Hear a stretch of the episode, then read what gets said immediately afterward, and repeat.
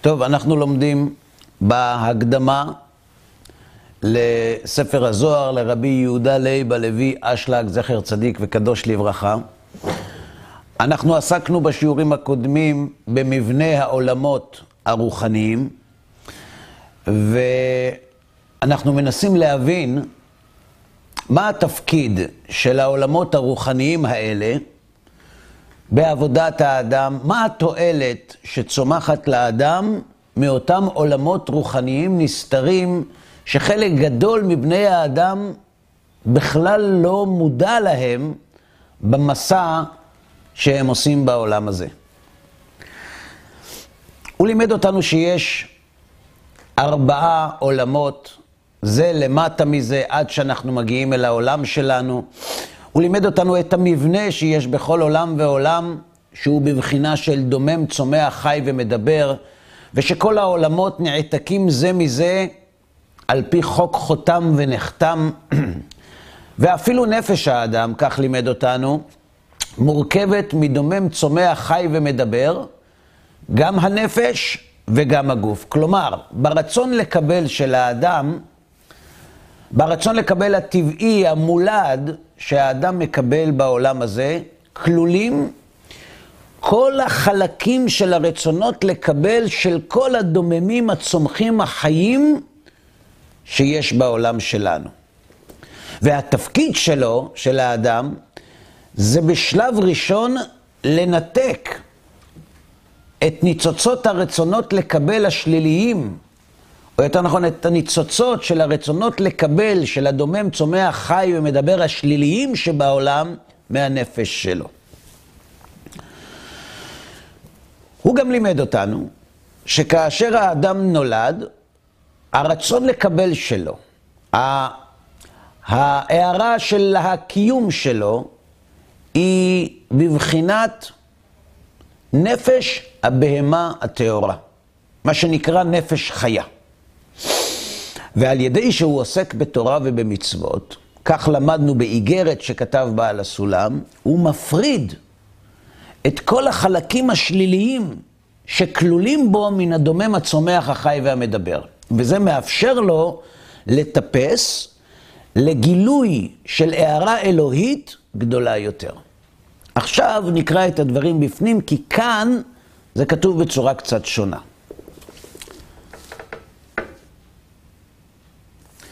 אני, אני חוזר קצת לאחור כדי שנוכל להבין את מה שהוא כותב כאן. והנה האדם בעת שנולד, יש לו תכף בבחינה, בחינת נפש דקדושה. ולא נפש ממש, אלא בחינת אחוריים של הנפש, שפירושו בחינה האחרונה שלה, המכונה מפאת קטנותה בשם נקודה. כלומר, ההערה שיש באדם, שהיא נפש דקדושה, שנמצאת בו ההערה הזאת מעת לידתו, היא הערה כל כך קטנה, שהיא כמעט לא עולה בשם, ולכן היא אפילו לא קרויה נפש דקדושה, אלא אחוריים של נפש דקדושה. כלומר, יש לו הכנה, פוטנציאל בלתי מורגש בשלב זה, של חיבור אל העולמות העליונים הרוחניים, דהיינו, אל הגילוי של ההערה האלוהית במחוזות גבוהים הרבה יותר. רק שהוא עדיין פשוט לא נמצא שם. אם נרצה נאמר, נאמר כך, האם תינוק נולד עם שכל? מה אתה אומר?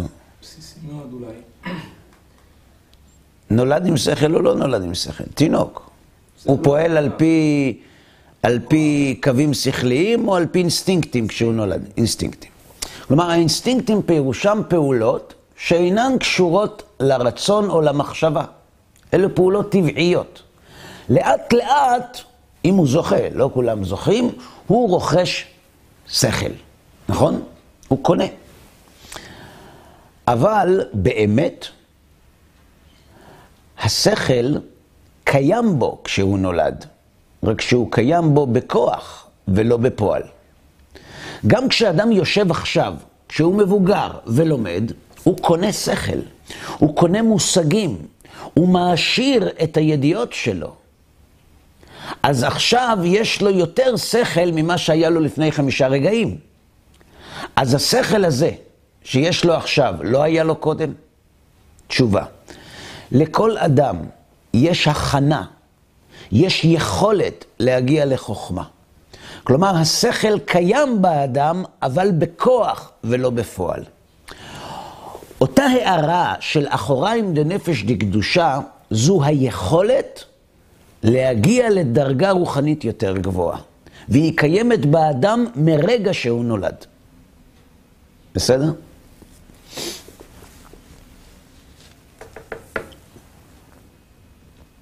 והיא אותה הערה, שאיך קוראים לה?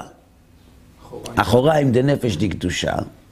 איפה היא שוכנת? איפה, איפה היא נמצאת? היא מלובשת בלב האדם. כלומר, בבחינת רצון לקבל שבו המתגלה בעיקרו בליבו של האדם. כמו שלמדנו באיגרת, שהלב של האדם מסמל את משכן הרצונות. זה לא שהרצונות של האדם יושבים בחדרי הלב, בחדרי הלב יש דם. אבל אנחנו אומרים שהלב מסמל את הרצון לקבל של האדם. בסדר? אז עד עכשיו למדנו שכשאדם נולד, מה, עם, עם איזו חבילה הוא נוחת בבית הנתיבות? עם רצון לקבל, נכון? עם רצון לקבל ועם אה, נפש של בהמה טהורה, נפש חיה, ועם אפשרות, עם אופציה, להגיע לנפש דקדושה. כלומר, הוא, הוא מונח בקומה הראשונה של המבנה, אבל יש לו סולם. הוא יכול לעלות לקומה השנייה. הוא יכול גם לא לעלות. הוא יכול כל החיים לשבת ולהסתכל על הסולם ולחשוב כמה נפלא שהניחו לו כאן את החפץ הזה כדי שהוא יוכל לתלות עליו בגדים. אבל יש לו עם החפץ הזה אפשרות לטפס אל הקומה השנייה. הנפש היא אחת או שיש נפש של בהמה? הרצון לקבל הוא אחד.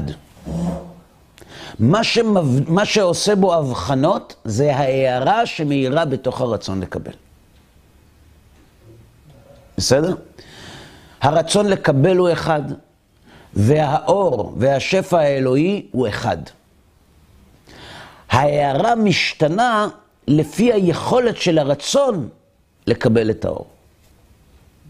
בסדר? בסדר.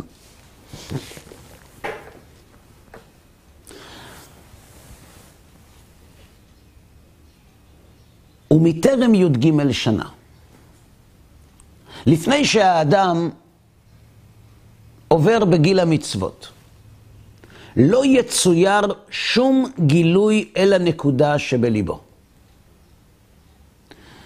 מתי מתגלה אותה נקודה, אותם אחוריים דנפש דקדושה, מתי הם מתגלים?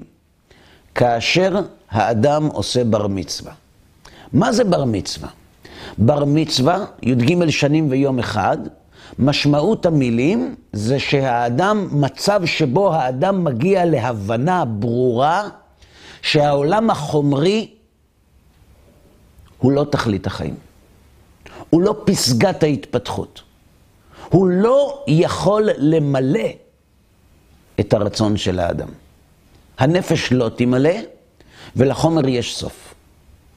ביום שהאדם מבין, משיג את התובנה הזאת, חווה אותה, הוא מתחיל לחפש את המשמעות הרוחנית של הקיום שלו. ואז קוראים לזה שהוא מתחיל לקיים תורה ומצוות. עד כאן בסדר? מה קורה כשהאדם מקיים תורה ומצוות? הוא מצמצם את הרצונות הגשמיים שלו, הבהמיים. אתה אומר שכשאדם מתחיל לקיים מצוות, בפועל, בין אם הוא מתכוון לכך ובין אם הוא לא מתכוון לכך, כשמקיימים תורה ומצוות מגבילים את הרצון, נכון? כל מערכת ערכית היא מערכת מגבילה. ולכן באופן טבעי האדם מתמרד כנגדה ושואל למה שאני אהיה כפוף למערכת הערכית הזאת. תורה ומצוות, מצוות הם ציוויים, תורה היא הוראה. כלומר, הוראה שמגיעה מבחוץ, ציווי שמגיע מבחוץ, שמתנגש עם הרצון שלי. לא תגנוב, לא תרצח, כבד את אביך ואת אמך. נכון? המערכת של המצוות היא מתנגשת בצורה חזיתית עם הרצון לקבל שלי. כלומר, התורה והמצוות מצמצמים את הרצון לקבל הגשמי של האדם. אתה לא יכול להתחתן עם מי שאתה רוצה. אתה לא יכול להתגלח בתער. אתה לא יכול לנקום ולא לנטור למרות שזה יכול לגרום לך עונג עצום, כי יש לך עכשיו על הלשון מה לומר. אסור לך. כובש את יצרו. מה קורה כשמצמצמים את הרצון לקבל? מניחים מקום להתפשטות לנקודה שבלב שבאדם. מה זה מקום? אין מקום ברוחניות. נותנים אפשרות לנפ... אחוריים דנפש דקדושה להשפיע, להאיר, לתת הרגשה. כשיש רעש, אתה לא יכול לשמוע את הקול החלש שבוקע מהמקלט. אבל כשאתה מצמצם את הרעש, אתה נותן מקום. כלומר, אתה מאפשר גילוי יותר מוחשי למימד נוסף באישיות של האדם. ומטרם י"ג שנה לא יצויר שום גילוי אל הנקודה שבליבו. אלא לאחר י"ג שנה. כלומר, אותה נקודה שבלב אינה מסוגלת להתמודד או להשפיע כאשר האדם עסוק בתאוות החומריות. זה בלתי אפשרי. כלומר, אם אדם נמצא שקוע בתאוות חומריות של עושר וכבוד וכסף ואכילה ושתייה ותאוות בשרים, והוא בונה על זה שיש בו איזה משהו אלוקי שיום אחד יאיר לו, זה לא יקרה. זה בלתי אפשרי. המקסימום שהאדם מסוגל לעשות, זה להגיע להבנה שלעולם הזה אין סיכוי לספק את הסחורה שלו. זהו. עד שם. אברהם אבינו, כשאברהם אבינו עסק בפילוסופיה, לאיזו מסקנה הוא הגיע? הכי גבוהה שלו. לא, הוא לא הגיע למסקנה שיש בורא לעולם. יש בעל הבית לבירה. הוא לא הגיע למסקנה שיש בעל הבית לבירה. שמה שהעצה שיש פה, אין מה להציע. זה לא... מה המסקנה, מה אברהם אמר אחרי שהוא בחן את כל התורות הפילוסופיות והאליליות של תקופתו? הוא לא אמר אם יש בירה יש אדון לבירה. אברהם אמר, אפשר לבירה זו בלא מנהיג? זה אותו דבר כמו שאתה אמרת? אתה אומר פחות או יותר, נכון? ממש לא. אפשר לבירה זו בלא מנהיג, זה אומר, הייתכן שהעולם אינו מונהג? אבל מי הוא המנהיג? אברהם לא ידע. עד שהציץ עליו בעל הבירה. אברהם הגיע לשלילת כל התורות הפילוסופיות בתקופתו. אבל מה הייתה האלטרנטיבה? לא הייתה לו. הוא אמר, זה לא נכון. אני לא יודע מה כן. אפשר לבירה זו בלא מנהיג? כלומר, האדם ששקוע ברצון לקבל הגשמי שלו, יכול להגיע או על ידי ההתנסות החווייתית, מה שנקרא דרך ייסורים, או על ידי התבוננות שלא יכול להיות שהעולם החומרי הוא תכלית החיים. שם ועבר. מה אתה רוצה משם ועבר? שואל אותם, מתעניין אצלהם, היה הולך ללמוד אצלהם. בסדר. אז עכשיו אתה, אתה, עכשיו אתה מקשה על אברהם אבינו, למה הוא לא קנה כרטיס ונסע לישיבת שם ועבר? שכאילו, זה יש מאין, הוא פתאום, אני אומר שהיו בנשים בעולם. נכון, זו שאלה שמופיעה כמדומני בראב"ד על הרמב"ם. איך זה, למה הוא לא הלך לשאול את שם ועבר? בסדר, אז יש לך קושייה. אתה מצטרף לעתירה של הראב"ד? לא, זה בסדר, אתה בחברה טובה. אבל זה לא הנושא שלנו, שלום. זה לא הנושא שלנו. המקסימום שאדם יכול להגיע זה להבין, אתה יודע מה, בוא נגיד את זה יותר פשוט. אני מדבר אולי מילים גבוהות. אנשים עשירים יודעים שכסף לא יביא להם אושר. אנחנו לא יודעים, כי אנחנו לא עשירים. אנחנו אומרים, עזוב, אתה, אתה, אתה תביא והכל יהיה בסדר. אל, אל תדאג, יהיה בסדר. אבל אנשים עשירים, אנשים עשירים יודעים בוודאות שכסף לא מביא אושר. י"ג שנים זה המקסימום שהאדם יכול להגיע. או על ידי ההתנסות החווייתית או על ידי התבוננות. אם לי יש רצון שאין לו סוף, ולעולם יש סוף. יש סוף לכמות, יש סוף לעוצמה, ויש סוף לחיים. אז זה לא יכול להיות שהעולם החומרי הוא תכלית החיים. זה לא יכול להיות. טוב, אבל מה כן? אפשר לבירה זו בלא מנהיג? עד שהציץ עליו בעל הבירה. מי הוא בעל הבירה? אחוריים דנפש דקדושה. ההערה האלוהית הקטנטנה הזאת, שמאירה ברצון לקבל, היא האמירה, אני הוא בעל הבירה. היא זו שמכוונת את האדם אל העבודה הרוחנית. שלא לשמה. שלא לשמה, בסדר. לא צריך לרוץ גבוה מדי. אבל בלי זה אי אפשר להגיע. מתי מציץ בעל הבירה? כשהאדם מגיע למסקנה, אפשר בירה זו בלא מנהיג? מתי אחוריים דנפש דקדושה מקבלים את הכוח להאיר באדם? כאשר האדם מבין שהחומר הוא לא תכלית החיים. זה מה שכותב בעל הסולם בפסקה הזאת. ומטרם י"ג שנה. מה זה מטרם י"ג שנה?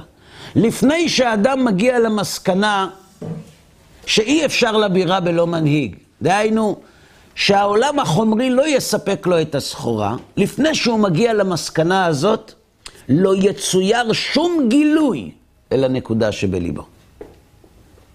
אותה תובנה, אותה הערה שמעבירה אותו אל החיפוש הרוחני, כל כך חלשה, היא כל כך בקטנות, שלא רואים אותה, שהיא לא נלקחת בחשבון. למשל, יושב עם בן אדם אחד, שמע, לא טוב לי, לא, תשמע, מה דעתך, אולי קצת, אולי תבוא לסמינר, אולי, אולי תתעסק קצת במשמעות, עזב אותך, לא, מה, מה נמצא שם? מה, מה, יש להם למכור לי? שימו לי כיפה על הראש, עזב אותך. זאת אומרת, הוא לא לוקח בחשבון את האופציה הרוחנית. למה? כי הוא עדיין לא הגיע לבר מצווה.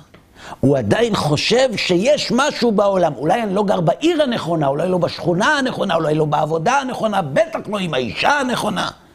אבל אם היה לי את הנכון, מי הולך לסמינר?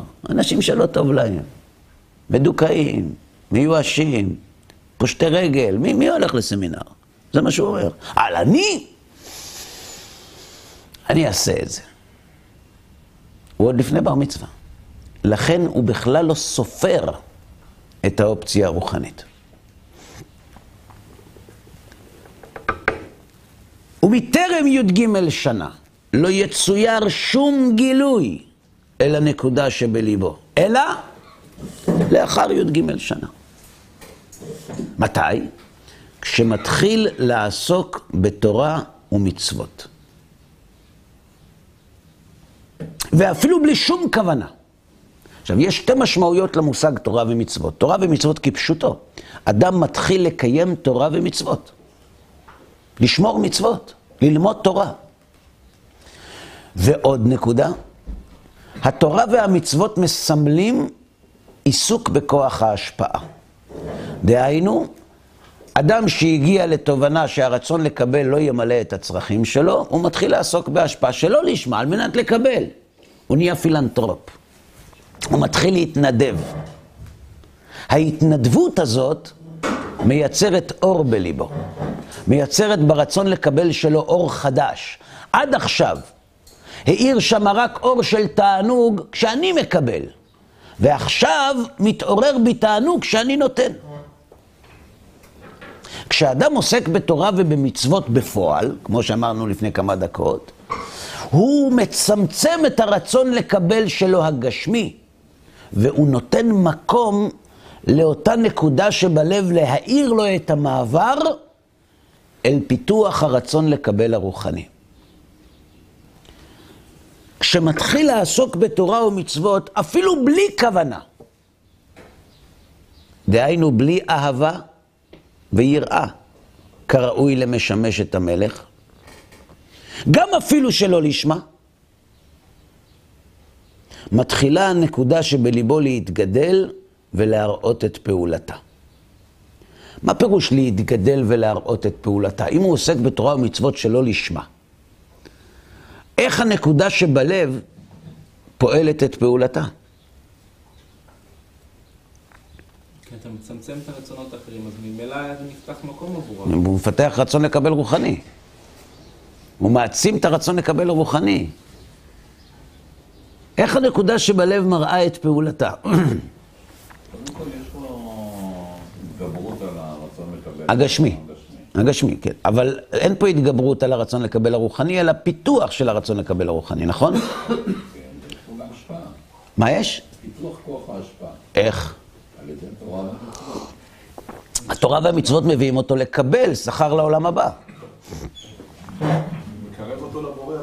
איך? מרחיק אותו. בגלל שהוא מאמין. זה כמו שהאוטו... הרצון לקבל הרוחני מרחיק יותר מאשר הרצון לקבל הגשמי. כי הוא יוצר שינוי צורה גדול יותר. זה כאילו אתה הולך אחורה בזמן שהאוטובוס נוסע קדימה, אתה, אתה עדיין, אתה, מת, אתה מתקרב תוך כדי התרחקות, אני לא יודע, זה נשמע... אתם אומרים טוב, אני רק רוצה להגדיר את זה בצורה קצת יותר מדויקת. כן, בבקשה. בגלל שהוא לא לשמה, הוא גם אומר שזה אה, מאמין בבורא ובתורה. זה אומר זה לא כתוב. בלא כוונה. לא. בלא שום כוונה. בלי אהבה ויראה. אבל למדנו שהוא הסביר שלא לשמה זה... זה קושייה, אתה צודק, יש סתירה לכאורה, אבל זה לא עונה על השאלה שלי. אתה מוסיף עוד שאלה, נכונה. תכף, תכף, תכף נעסוק בה. אבל יש אור מהקדוש ברוך הוא שמאיר אותו ברגע שהוא עושה גם בוא נבדוק. בואו, לאט לאט, בואו נעשה סדר. בכל מקרה למדנו בהקדמה לתלמוד בעשר ספירות, שזו תחילת הדרך. בלי הדרך הזאת.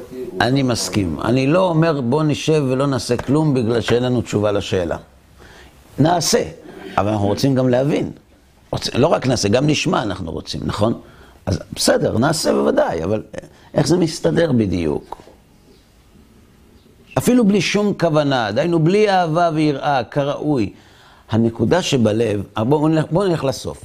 מהי אותה נקודה שבה האדם מגיע כשהוא זוכה לפתח את הרצון לקבל הרוחני שלו והוא זוכה לגילוי פנים של שכר ועונש?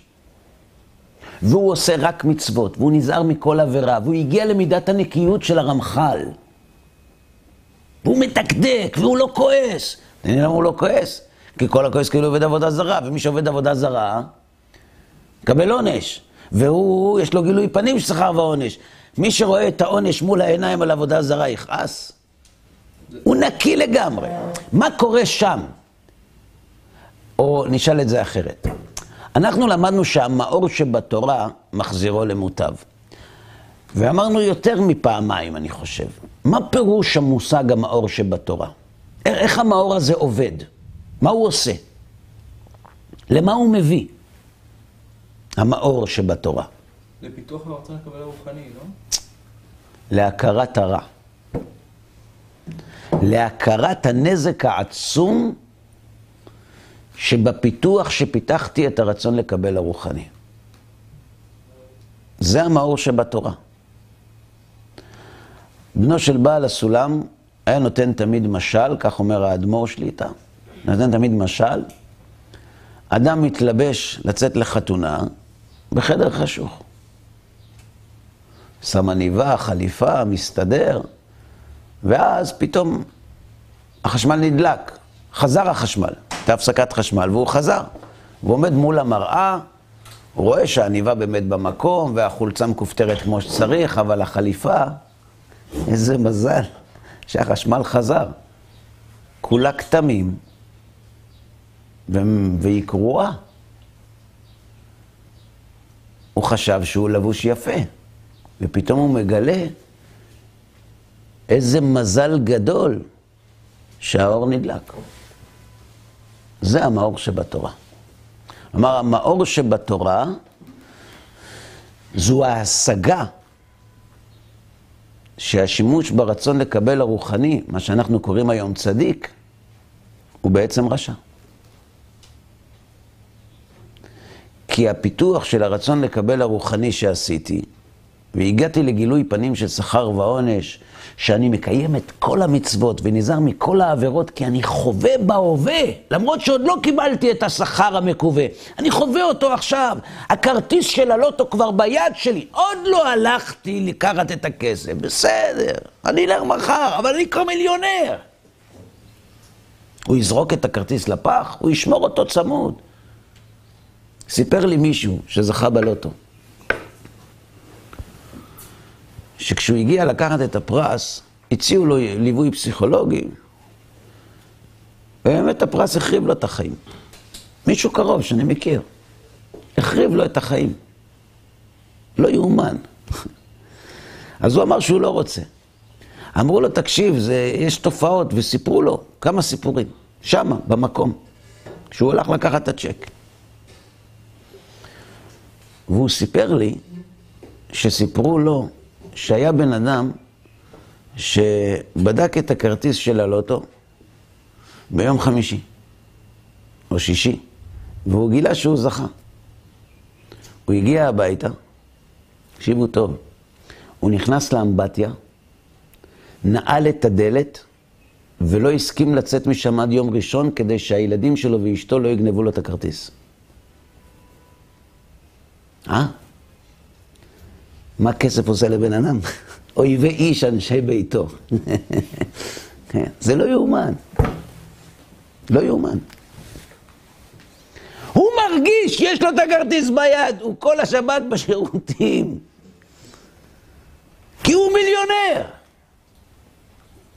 יש סיכוי שהוא יזרוק לאסלה, חוץ מכבוד המקום וכבודכם, שיזרוק לאסלה את הכרטיס? ימות ולא יזרוק. אדם שהגיע למדרגה כזאת של גילוי פנים של שכר ועונש, ופתאום מגלה, פתאום הוא מגלה שהוא התרחק הרבה יותר מהמקום שבו הוא עמד, מבחינת הקשר שלו עם הקדוש ברוך הוא, כשהוא לא קיים מצוות.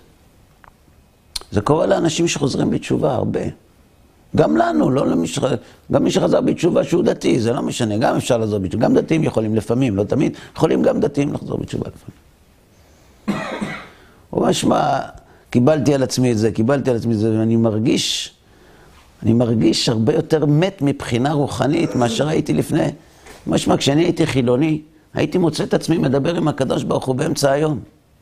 היום אני לא מסוגל ללכת לבית כנסת להתפלל. אתה יכול להסביר לי מה קרה לי? מה קרה לי? תשובה? התרחקת מהקדוש ברוך הוא. מה זאת אומרת התרחקתי? חזרתי בתשובה. נכון. חזרתי בתשובה הכוונה, הגעת לבר מצווה. התחלת לעסוק בתורה ובמצוות, כי הבנת שזה האמת, שזו האמת, שזו התכלית הרוחנית, שאתה רוצה לקבל עולם הבא, לא עולם הזה. אתה משקיע בנדל"ן, לא במונופול. אז הגדלת את הרצון לקבל. אז הגדלת את שינוי הצורה. אז איבדת את הרגשת השם. זה נקרא הכרת הרע. שפתאום נדלק האור ומגלים שהחליפה שכל כך טרחת עליה היא מלאה כתמים. למה אני מספר לכם את כל זה? כי ההכרה הזאת מגיעה לאט לאט. היא לא מגיעה פתאום. חוסר הסיפוק בעבודת השם זה דבר שכל הזמן נמצא ברקע. קוראים לזה נפילה. הוא נופל. זו לא נפילה. אתם יודעים מי משדר לו את הירידה הזאת? הנקודה שבלב. הנקודה שבלב מאירה והיא נמצאת שם ועושה את עבודתה בשקט כדי שהאדם לא ימצא מנוח בשימוש עם הרצון לקבל. לכן הוא אומר כך, מטרם י"ג שנה, לפני שאדם מגיע לבר מצווה, הנקודה שבלב איננה, הוא בכלל לא עסוק ברוחניות. זו לא השפה שהנקודה שבלב מדברת. אז הוא בכלל לא מכיר אותה. את אותה הערה שלא נותנת מנוח. כדי לא להיות מרוצה מהעולם הזה, לא צריך רוחניות. אם יש לך רצון בלי סוף, ולעולם יש סוף, אתה לא תהיה מרוצה. אז למה עדיין יש כאלה שכן מרוצים? כי עוד הם, הם עוד באמצע האוכל. אנחנו תמיד נותנים דוגמה. במחנה ריכוז, אנשים חיו על 300-400 קלוריות ביום.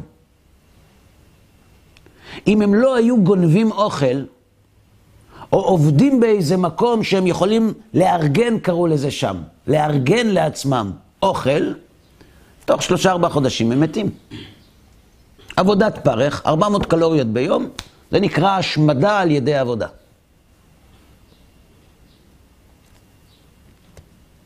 עכשיו נניח שהוא חוזר בסוף היום, אחרי שהוא עובד במפעל תחמושת, הידיים שלו, הידיים שלו שרוטות, חתכים, קפוא,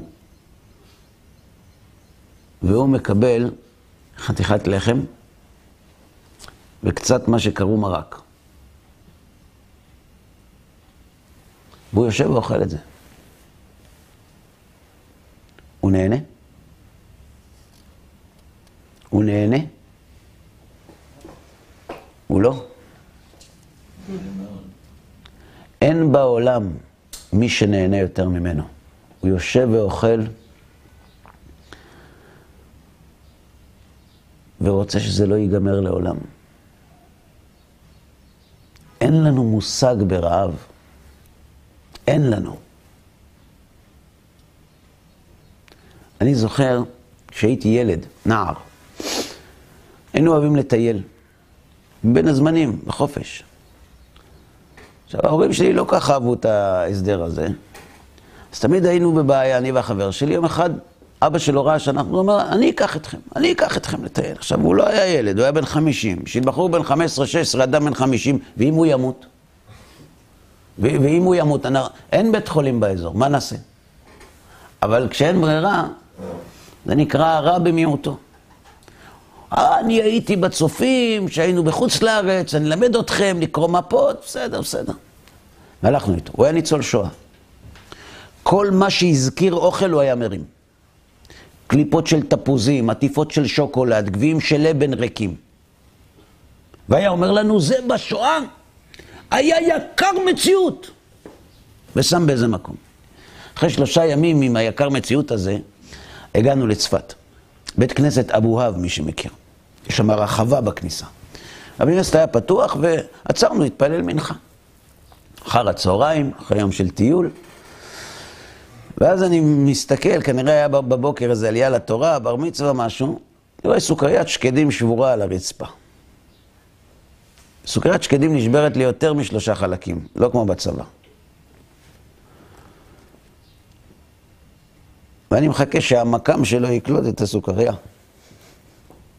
קלט, התכופף, התחיל לאסוף אותה מהרצפה, וזה קשה לאסוף סוכריית שקדים שבורה. לוקח חתיכת נייר, שם את זה, ומתרומם. כולו אדום ממאמץ. ואני אומר לו, תגיד, נכון זה בשואה היה יקר מציאות?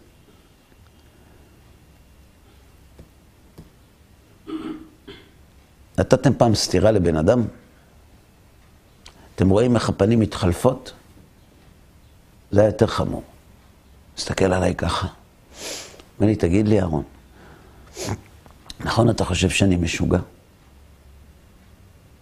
אתה שלושה ימים הולך אחריי ואומר, מה המשוגע הזה מרים מהרצפה? אני רוצה לספר לך למה השתגעתי. כשאני הייתי במחנה, אנחנו לא ראינו שמיים ולא ראינו אדמה. לא היינו ערים. אנחנו כל הזמן חלמנו על אוכל. על אוכל. קמנו עם אוכל בראש, ישנו עם אוכל בראש. זה מה שעניין אותנו, לא מכות, לא קור. לפעמים אנחנו עושים מסעות לפולין, אתה חמש מעלות, אפס מעלות, כולך עטוף, וכולם אומרים, בוא, בוא ניכנס, תדריך בפנים, לא בחוץ. כן. אנשים עמדו בקור של עשרים מינוס, עם סמרטוט על הגוף, עם כפכפים מעץ בלי גרביים. חמש שעות. איך הם נשארו שפויים? הם לא הרגישו את הקור. הם חשבו על אוכל. היו ילדים אצלנו שמרוב רעב היו נושכים את הקורות של העץ כדי להרגיש משהו קשה בשיניים. מה אתה מבין ברעב, אהרון? יום כיפור.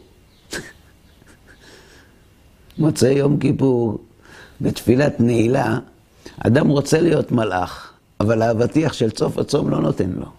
הוא כל הזמן חולם על אוכל. יום אחד! והוא אכל הרבה לפני כן.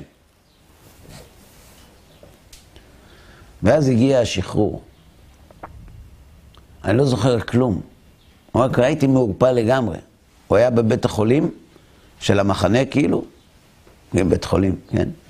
צריף החולים, והגרמנים התחילו עם צעדות המוות, והם לא, רק, כנראה פחדו להיכנס לצריף של החולים, כי לא רצו להידבק מהמחלות, הם השאירו אותם שם למות, והלכו. הוא אומר, לא זוכר כלום, זוכר פתאום רק שקט. פתאום הגיעו רוסים, ואני לא זוכר יותר כלום. אני זוכר את עצמי יושב בתוך פח הזבל של המטבח. כל מחנה היה צריף של מטבח. בתוך הפח, בתוך הטינופת. מצאתי שם, הוא אומר לי, שני תפוחי אדמה. שלמים, רקובים, אבל תפוחי אדמה. הוא אכל אותם, הוא כרסם אותם במשך כמה שעות. וקיבל הרעלת קיבה ואיבד את ההכרה שלו. יש לך מושג מה זה רעב? אין לך. כשהוא ישב ואכל את התפוחי האדמה, הוא נהנה או לא? אתם רוצים הוכחה שהוא נהנה? הוכחה. הוא הוכיח. הוא אומר, אחרי, ש...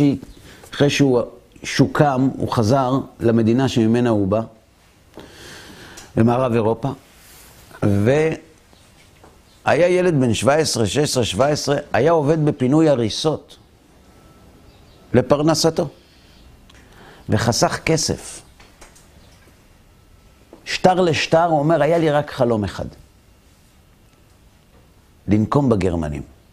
אני לא אהיה רעב יותר. בחיים.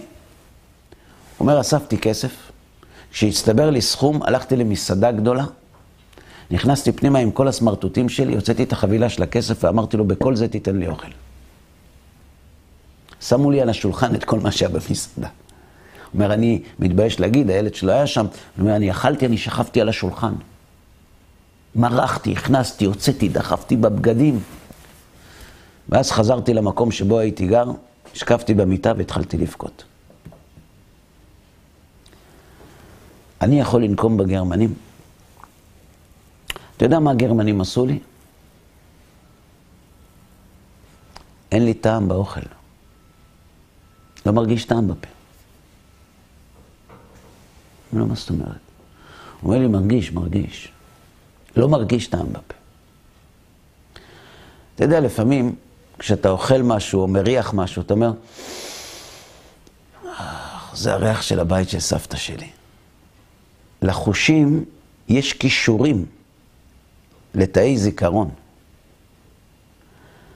לי אין משפחה, כולם מתו. אני מתגעגע אליהם, אני מנסה להיזכר בהם. ולכן כשאני מכניס משהו לפה, אני מנסה לחזור לעבר. להיזכר בטעם של האוכל של אימא שלי, של סבתא שלי. אבל אני נתקע באמצע, אתה יודע איפה? בתפוח אדמה. לא מצליח לחזור אחורה. כי את הדבר הכי טעים בחיים, בעוצמה הכי גדולה, כבר אכלתי. אני מנסה לשחזר תענוג מאוכל, ואני לא מצליח.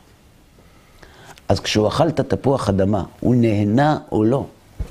הוא כל כך נהנה שהוא לא יכול להגיע לעונג מאוכל יותר מתפוח אדמה רקוב.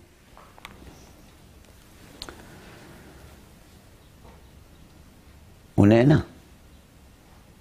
כשאנשים אכלו את מנת הלחם והמרק הדלוח בסוף היום, הם היו בעונג כל כך גדול שלא הרגישו כלום. כלום.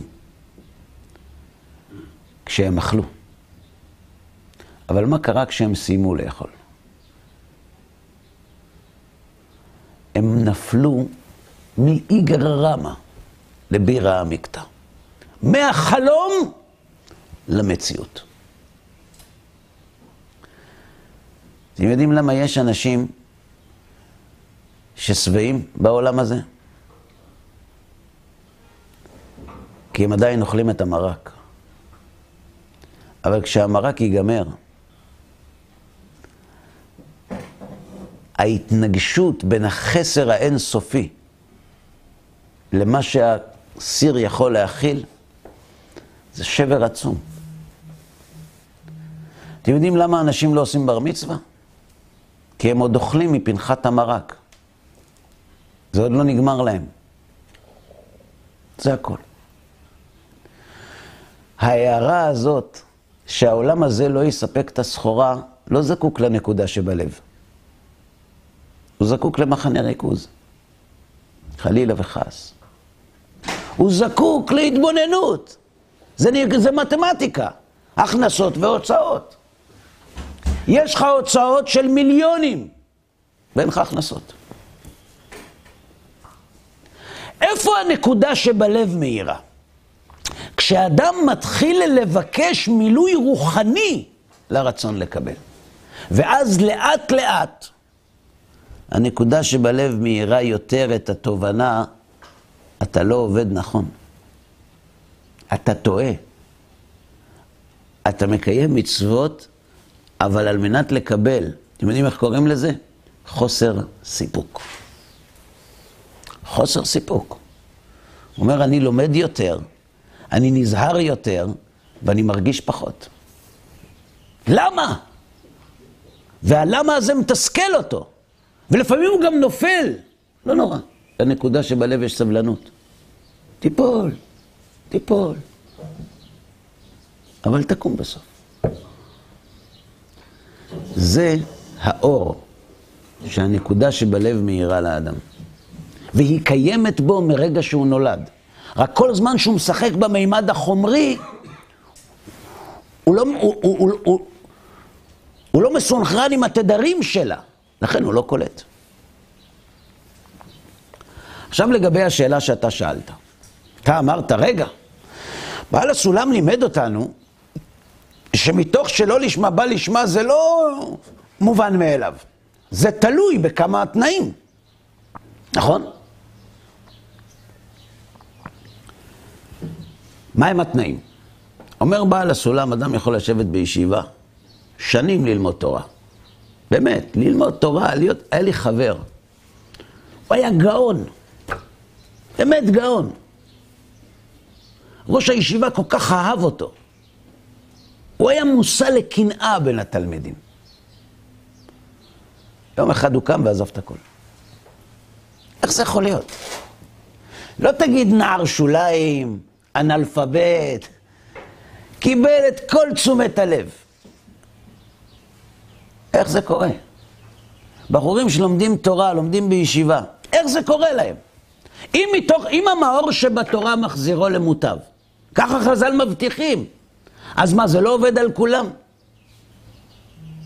אומר בעל הסולם, כדי שהמאור שבתורה יתקן את האדם, יש תנאים. מי שלא מאמין באלוה, במציאותו, מי שלא מאמין שתורת ישראל מן השמיים, ומי שלא מאמין בשכר ועונש, התורה לא רק שלא תביא אותו לקדוש ברוך הוא, היא תוביל אותו לעבודה זרה. זה נקרא למסמילים בה סמא דמוטה. מי שלומד תורה והוא לא מאמין, התורה תהרוס אותו. עכשיו, זה לא שחור לבן. כמדרגת האמונה שלך במציאות הבורא, באמיתות התורה ובשכר ועונש, המור שבתורה מאיר. מאמין הרבה, מאיר הרבה. מאמין קצת, מאיר קצת. לא מאמין בכלל, יהרוג אותך. אז אתה שואל שאלה. בעל הסולם כתב, כשמתחיל לעסוק בתורה במצוות, אפילו בלי שום כוונה, דהיינו בלי אהבה ויראה, כראוי למשמש את המלך, גם אפילו שלא לשמה, מתחילה הנקודה שבליבו להתגדל ולהראות פעולתה. כי מצוות אינן צריכות כוונה. ואפילו מעשים בלי כוונה מסוגלים לתאר את הרצון לקבל שלו. קושייה. שתי תשובות. זו הקושייה מובנת, נכון? שתי תשובות. נתחיל עם התשובה הראשונה. איזה חלק ברצון לקבל שלו מצוות ותורה בלי כוונה יכולים לתאר? את הדומם. את הדומם של הרצון לקבל.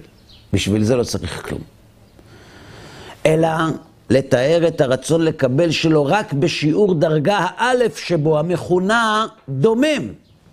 ובשיעור שמתאר חלק הדומם של הרצון לקבל, כלומר הוא מצליח להתגבר בעזרת תורה ומצוות על החלק החלש ביותר ברצון שלו. נסביר. אמרנו שברצון של האדם יש כמה חלקים? מה הם? דומם, צומח, חי ומדבר. מה המשמעות של דומם, צומח, חי ומדבר ברצון? אם במציאות ההבדל בין הדומם בצומח, בחי ובמדבר זה בהתפתחות, כשאנחנו מדברים על התפתחות הרצון לקבל, איזה רצון לקבל הוא הכי גדול? מי הכי מפותח? דומם או מדבר? מדבר. אז מי הוא הרצון לקבל הגדול ביותר? מדבר. ואם החוכמה היא כנגד המדבר, והאכילה והשתייה זה כנגד הדומם, אז איזו תאווה יותר גדולה, לחוכמה או לאכילה ושתייה? לחוכמה.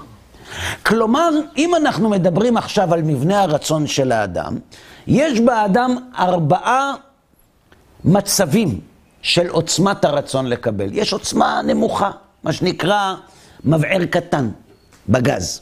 הכי קטן, דומם. יותר גדול, צומח, יותר גדול, חי, יותר גדול, מדבר. המבער שהכי חזק זה המדבר.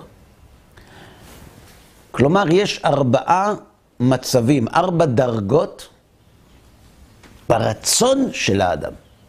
על איזה רצון יותר קל להתגבר? של המדבר או של הדומם? דומם. של הדומם, אתם אומרים. נכון. למה? כי הוא הכי חלש. כשאדם מחליט לעשות דיאטה, והוא אוהב מאוד, הם אסור להגיד, אבל אף אחד לא שומע, אוהב בשר. בשר. וטופו הוא לא אוהב. הוא לא אוהב. והוא החליט לעשות דיאטה.